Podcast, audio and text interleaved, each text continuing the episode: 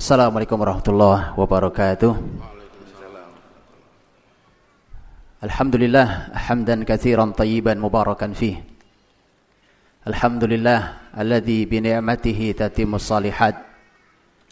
Alhamdulillah alladzi arsala rasulahu bil huda wa dinil haqq liyudhhirahu 'ala ad-dini kullihi wa kafa billahi shahida. Asyhadu an la ilaha illallah wahdahu la syarika lah. وأشهد أن محمدا عبده ورسوله.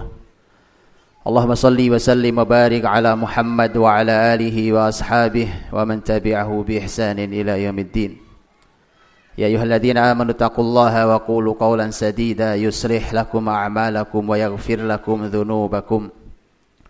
ومن يطع الله ورسوله فقد فاز فوزا عظيما. أما بعد. Saudara-saudariku Allah Subhanahu wa taala, Bersyukur saya bersilaturahim di tempat ini Bersilaturahim dengan para tokoh masyarakat, para ulama, masyaikh Dan bersilaturahim dengan guru saya, Dr. Muin Untuk bisa mendialogkan tentang kebangkitan kita Kebangkitan muslimin hari ini Saya akan mencoba mengurainya dalam waktu yang singkat setengah jam untuk menyampaikan. Sebenarnya saya menuliskan makalah, tapi mohon maaf mungkin baru semalam saya kirim. Saya akan menyorotinya dari sudut pandang sejarah. Hanya ada tiga poin yang ingin saya sampaikan. Yang pertama berbicara tentang masalah bagaimana sesungguhnya semua sebab kejatuhan daulah-daulah Islam yang pernah ada dalam sejarah semua ada di kita hari ini. Dan itulah mengapa kita jatuh hari ini. Saya ulangi. Jadi semua sebab yang menyebabkan jatuhnya semua daulah Islam itu, semua unsur itu ada di tubuh kita hari ini. Itulah mengapa kita jatuh. Tapi poin yang kedua adalah semua sebab kebangkitan perlahan mulai terlihat pada kita hari ini. Salah satunya adalah kehadiran kita di sini. Suasana yang seperti ini, perbincangan masyarakat muslim hari ini, kembalinya bergelora Al-Quran disuarakan di masyarakat, belum terlihat 30 tahun lalu di negeri ini. Bahkan mungkin 20 tahun lalu belum semarak hari ini. Dan seterusnya. Barulah yang ketiga sebenarnya saya hanya ingin memberikan sebuah contoh yang ini menjadi koreksi buat kita nanti sebenarnya seperti apa posisi kita hari ini dengan rencana kebangkitan yang memang sudah disampaikan oleh Rasulullah Sallallahu Alaihi Wasallam saat beliau masih hidup seperti sampaikan Ustadz Aris tentang hadis yang diriwayatkan oleh Imam Ahmad tadi tentang lima fase zaman yang akan dilalui. Dan sebagian sudah berlalu, empat sudah berlalu, tinggal satu yang akan segera hadir itu untuk kita semua dan kita menjadi bagiannya dengan izin Allah SWT. Amin. Sesuai bagian dirahmati Allah Subhanahu wa taala, para ulama eh, sejarah itu sudah banyak yang menulis tentang eh, buku-buku eh, tentang sebab kejatuhan. Di antaranya adalah eh, seorang ulama Mesir eh, saya yakin beliau hadir, tahu eh, Syekh Hisham tahu bahwa eh, Dr. Abdul Halim Uwais rahimahullah taala rahmatan wasi'ah.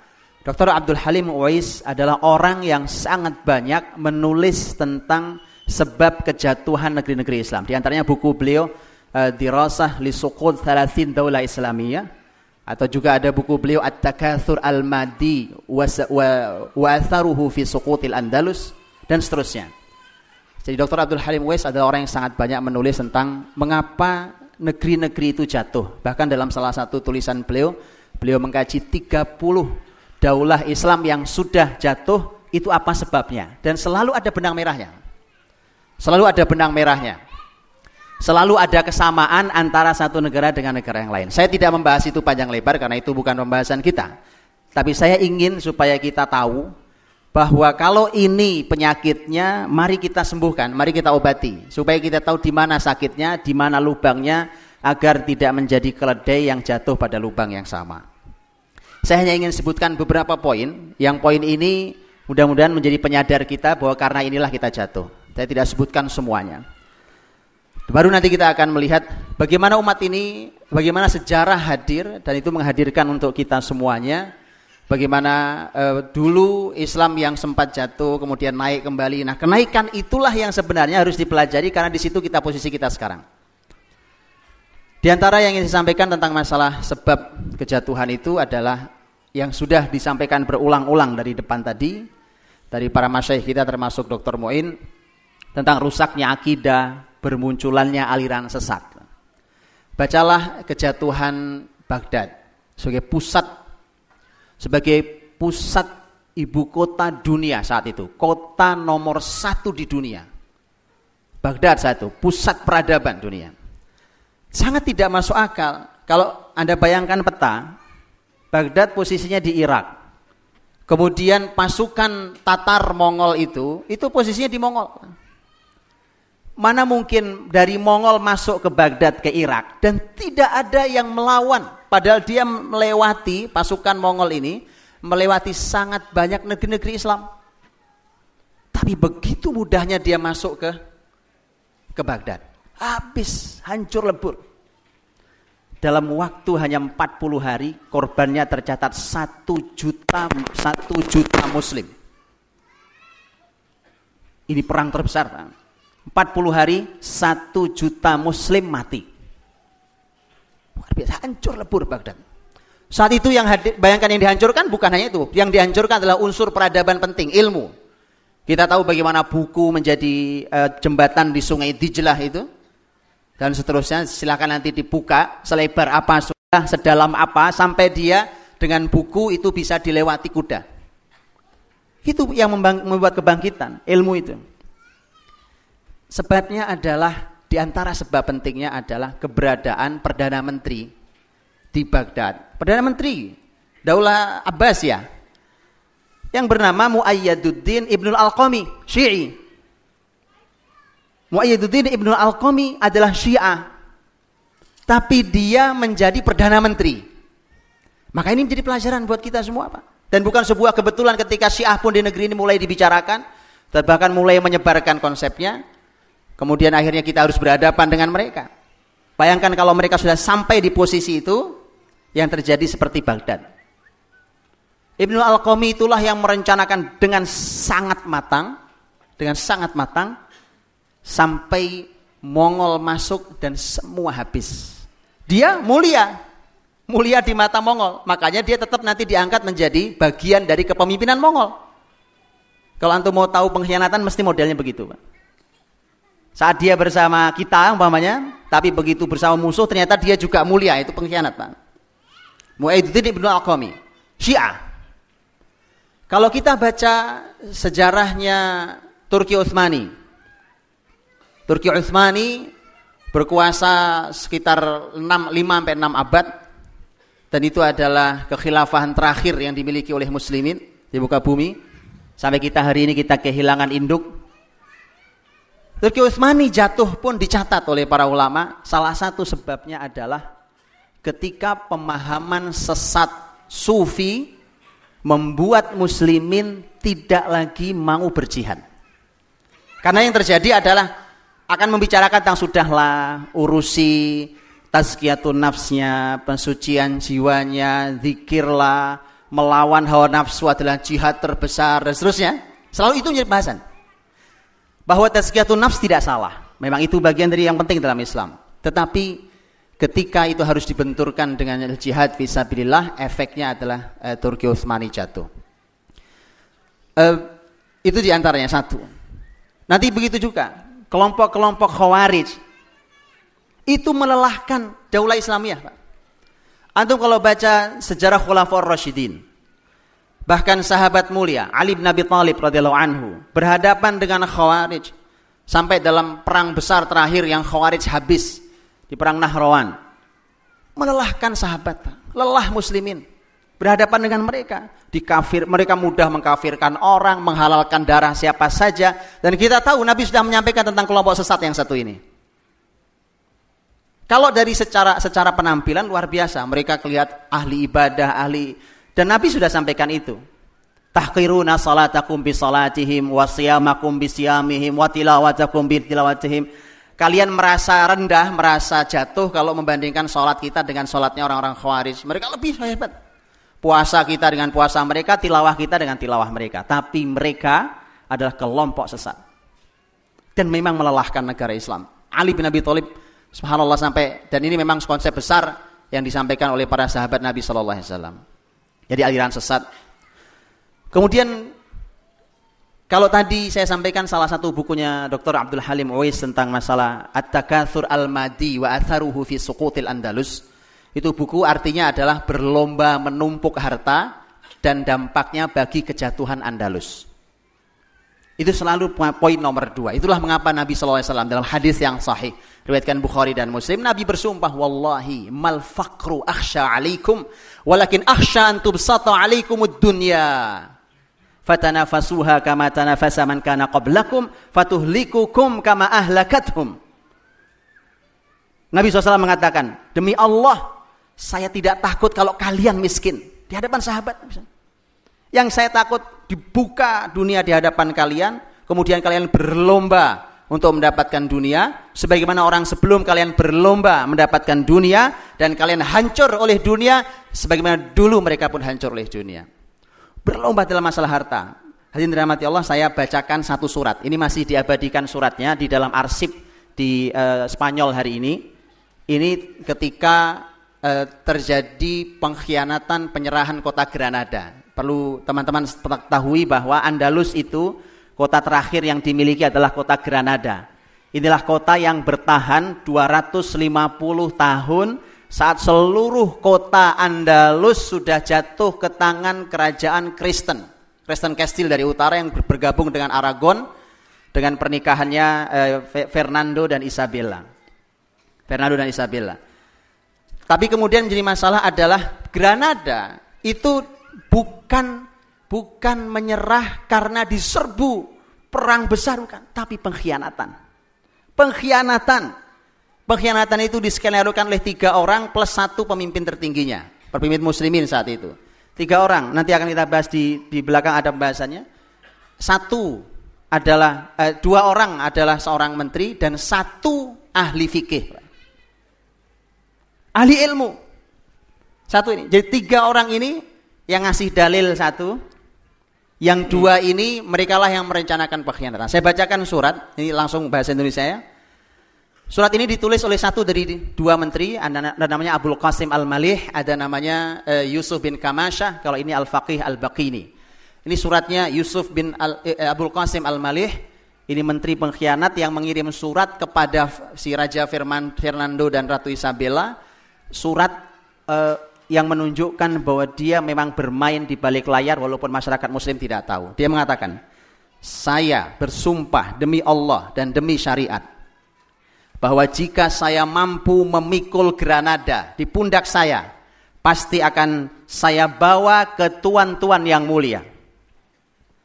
Ini keinginan saya.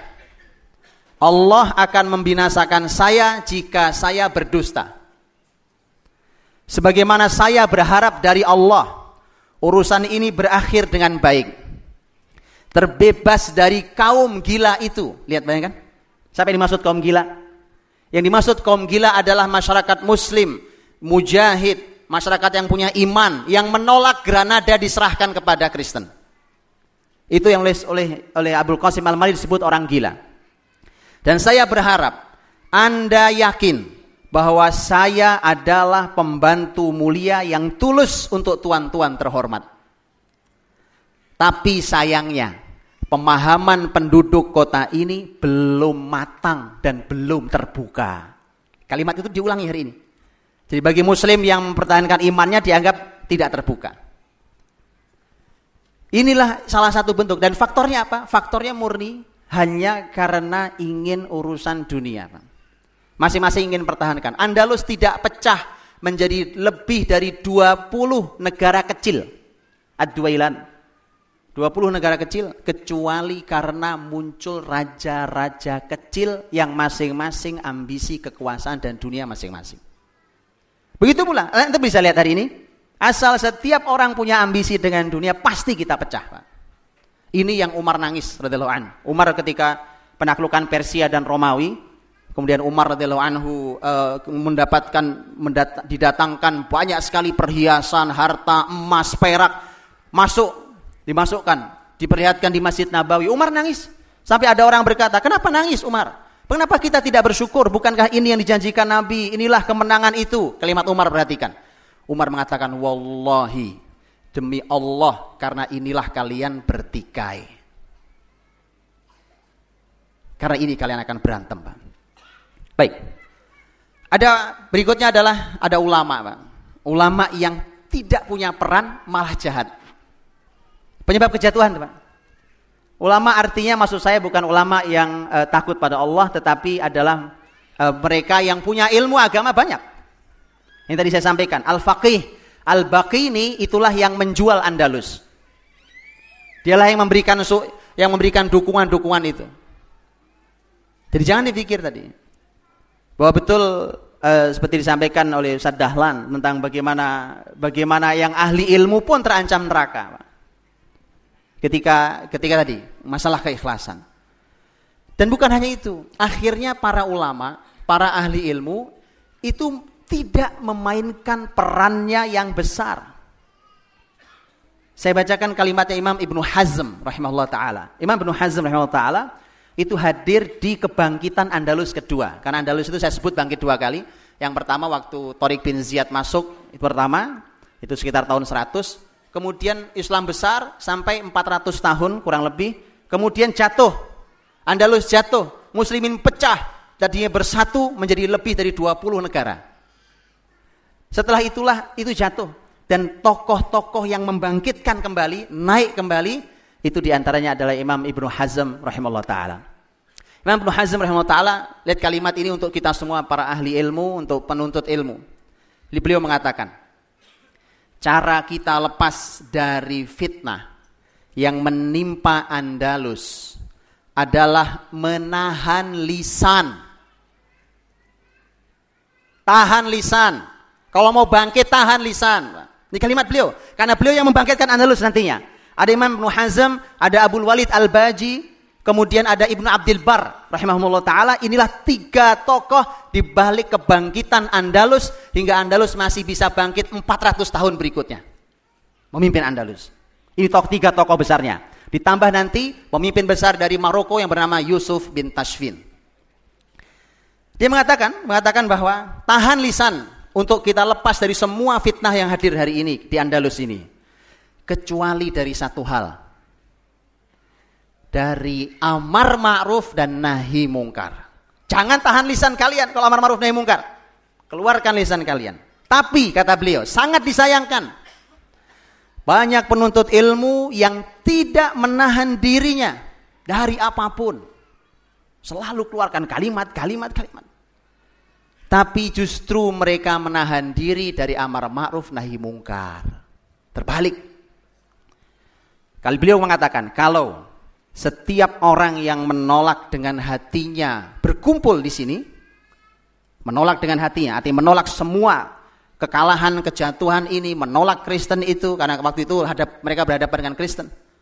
Kalau berkumpul di sini semua, mereka tak mampu mengalahkan kita. Imam bin Hazm rahimahullah ta'ala. Ini kesedihan beliau. Abu Walid Al-Baji rahimahullah ta'ala, salah satu ulama besar yang juga bersama beliau menghadirkan, itu belajarnya di timur. Jadi belajar dulu sekolahnya di timur karena Islam besar di timur di Baghdad dan eh, Syam segala macam. Kemudian beliau pulang ke Andalus, pulang ke Andalus kaget negerinya berantakan, kacau. Di situlah kemudian dia memulai bahkan memberikan amar ma'ruf nahi mungkar kepada semua raja-raja kecil yang sudah menguasai, sudah memecah Andalus menjadi puluhan kota itu. Kemudian eh, yang berikutnya adalah bahwa akhirnya setelah itu semua jihad pun telah digantikan oleh hiburan. Hiburan. Jihad telah berganti dengan hiburan. Ini saya bacakan langsung, Pak. Saya bacakan langsung mengapa tadi kembali kepada peristiwa tanggal 1 Safar tahun 656 Hijriah di mana Baghdad luluh lantak hancur oleh pasukan Mongol Mulai, itu kejadiannya. Kemudian wanita itu bernama Arafah. Panah melesat dari salah satu jendela, membunuhnya saat ia sedang menari di hadapan khalifah. Khalifah terkejut dan sangat marah. Dia mengambil anak panah yang menancap. Ternyata tertulis di anak panah ini sengaja ditulis oleh oleh Hulagu itu pasukan Mongol. Tertulis di anak panah jika Allah ingin menjatuhkan ketentuannya, arti takdirnya. Ini orang kafir sok tahu tentang Islam ini, Pak.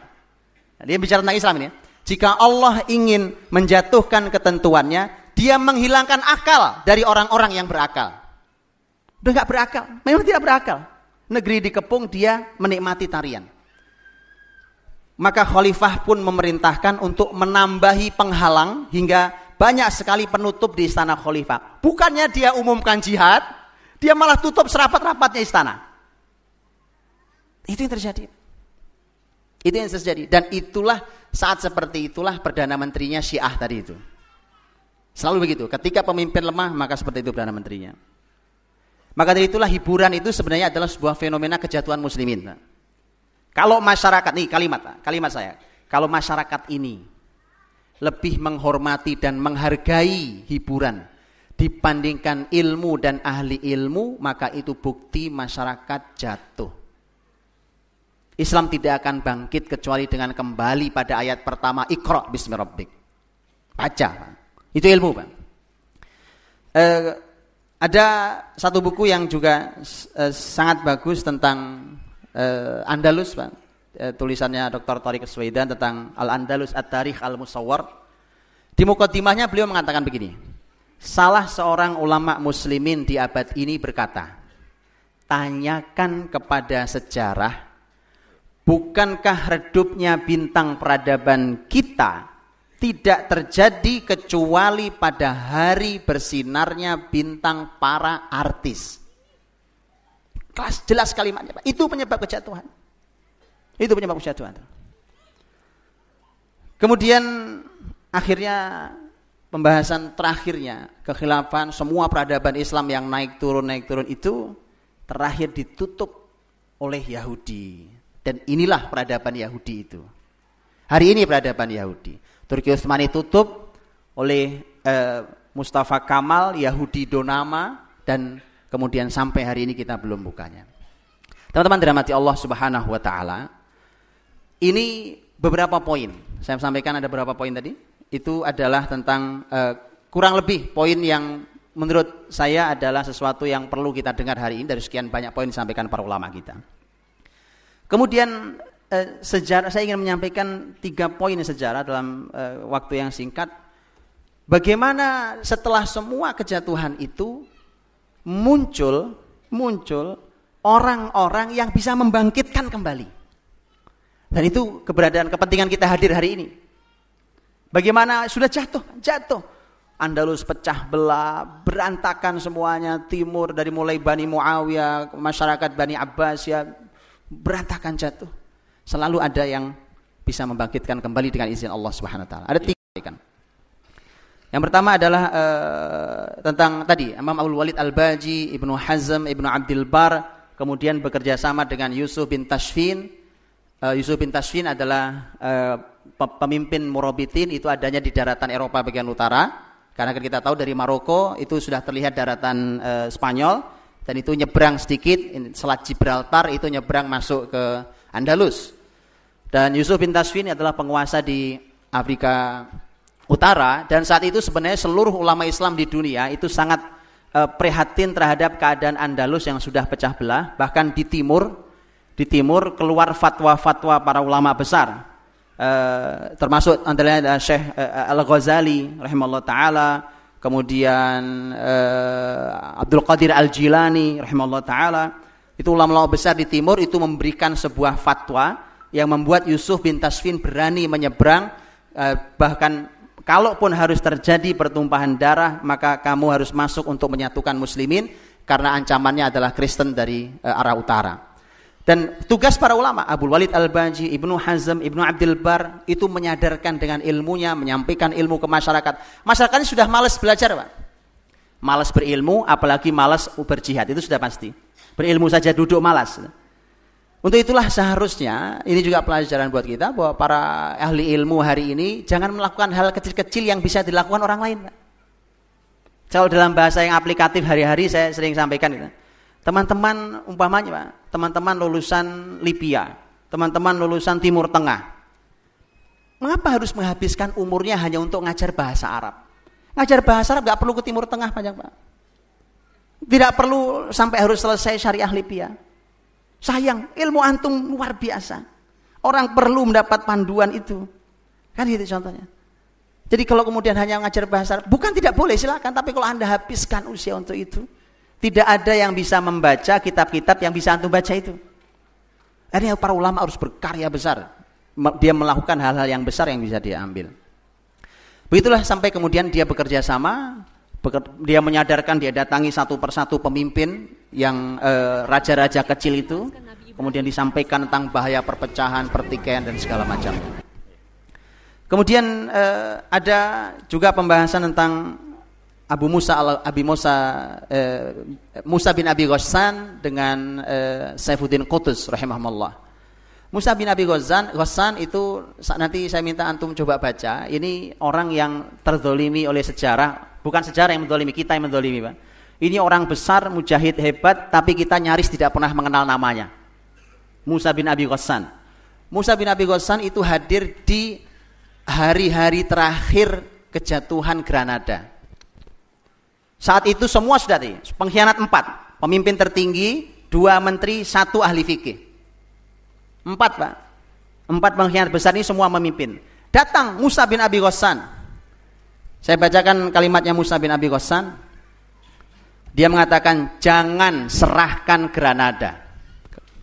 Biarkan kami berjihad visabilillah. Biar kami biarkan kami berperang visabilillah. Jangan menipu diri kalian sendiri. Jangan menyangka kalau Nasoro akan memenuhi janji mereka. Karena Nasoro mengimimi janji. Udah serahkan saja Granada nanti kalian akan kami pertahankan, tidak kami ganggu masjid kalian. Musa mengatakan tidak. Mereka tidak akan penuhi janji. Jangan bersandar pada besarnya kerajaan mereka. Kematian hanya sedikit dari ketakutan kita. Artinya kalau cuma mati simple buat kami. Yang lebih dari itu bukan mati. Di hadapan kita ada penjarahan kota-kota kita dan penghancurannya, pengotoran masjid-masjid kita, perobohan rumah-rumah kita, pemerkosaan istri-istri dan putri-putri kita. Di hadapan kita dosa keji, fanatisme buas, cambuk dan belenggu rantai. Di hadapan kita penjara, siksaan dan pembakaran. Kalimatnya sangat kuat, Pak. Itu di hadapan mereka. Tapi namanya orang sudah buta. Sudah syahwat yang bicara. Musa bin Abi Ghosan membentur e, tembok syahwat.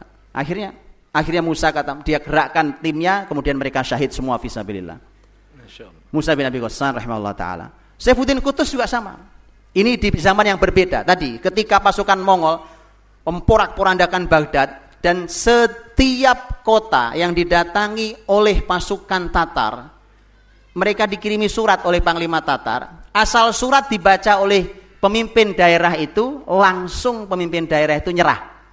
Cuma baca suratnya pasukan Tatar. Memang saat itu Tatar itu dianggap sebagai masyarakat aneh yang tiba-tiba datang dengan kekuatan yang tak terkalahkan. Itu yang terjadi.